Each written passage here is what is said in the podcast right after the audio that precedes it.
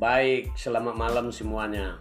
Kali ini kita akan belajar masalah pembuatan podcast tentang pendidikan yang membahas tentang perkuliahan online.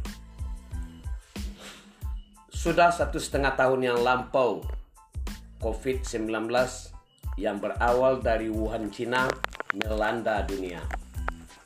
Indonesia termasuk salah satu negara yang mendapat wabah tersebut. Pendidikan di Indonesia berjalan dengan tidak sebagaimana mestinya. Sekolah-sekolah dimulai dari TK sampai perguruan tinggi, semuanya harus belajar dari rumah. Dengan kata lain, berjalan secara online. Baiklah, kali ini kita mau nanya-nanya kepada salah seorang mahasiswa Universitas Pejajaran atau UMPAD Bandung, Axel Jonathan.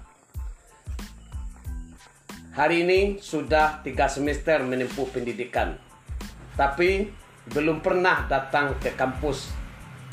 Berasal dari Sumatera Barat, tidak di kota. Berasal dari suatu desa di pantai barat Danau Sengkara.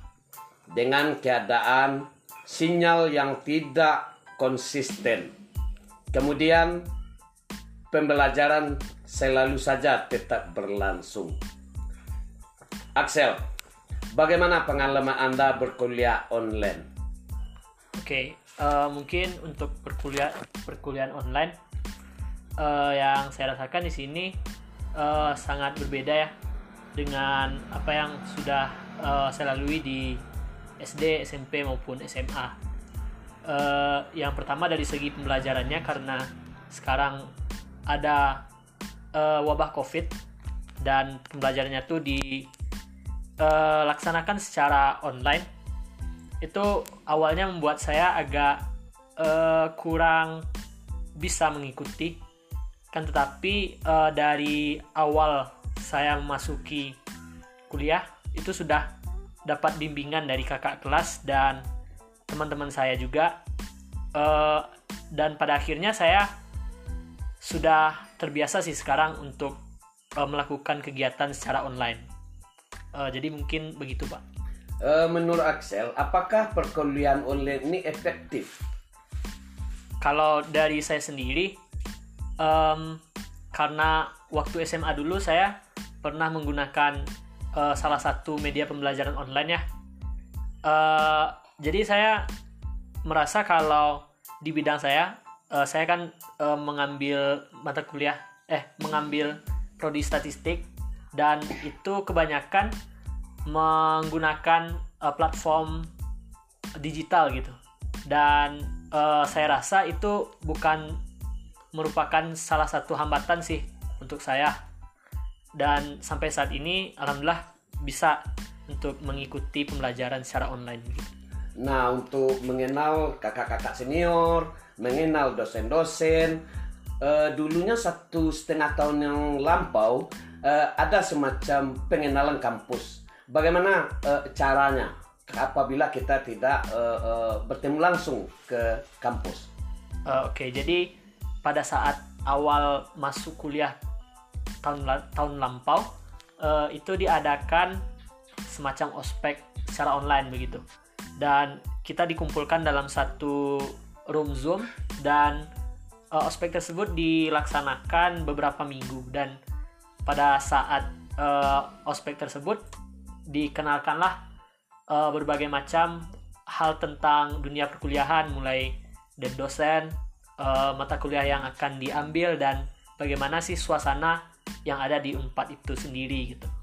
Nah, ini kan kita jauh dari perkotaan, uh, dari desa dan jauh pula di Sumatera Barat dari pusat kampus. Nah, alat-alat uh, apa yang memungkinkan bisa menangkap sinyal yang bagus ketika harus mengikuti perkuliahan? Ya, uh, betul sekali.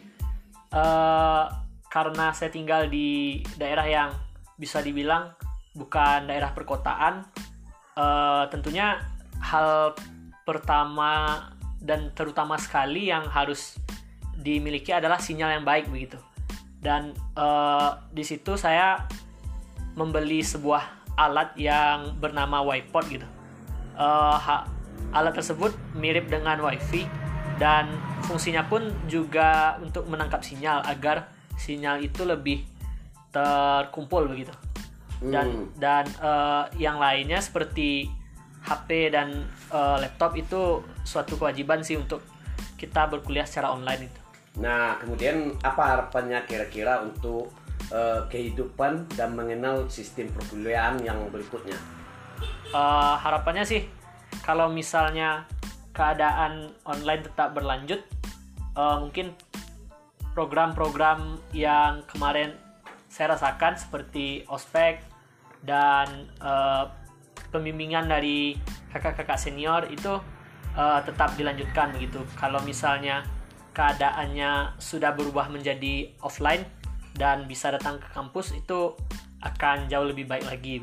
Baik, terima kasih Axel Jonathan. Demikianlah kira-kira tugas yang dibuat sebagai tugas akhir dari uh, kita malam hari ini. Mudah-mudahan uh, untuk masa-masa mendatang ketika kita membuat podcast yang terbaru mungkin bisa lebih baik lagi. Ini masih dalam taraf belajar baru pertama kalinya.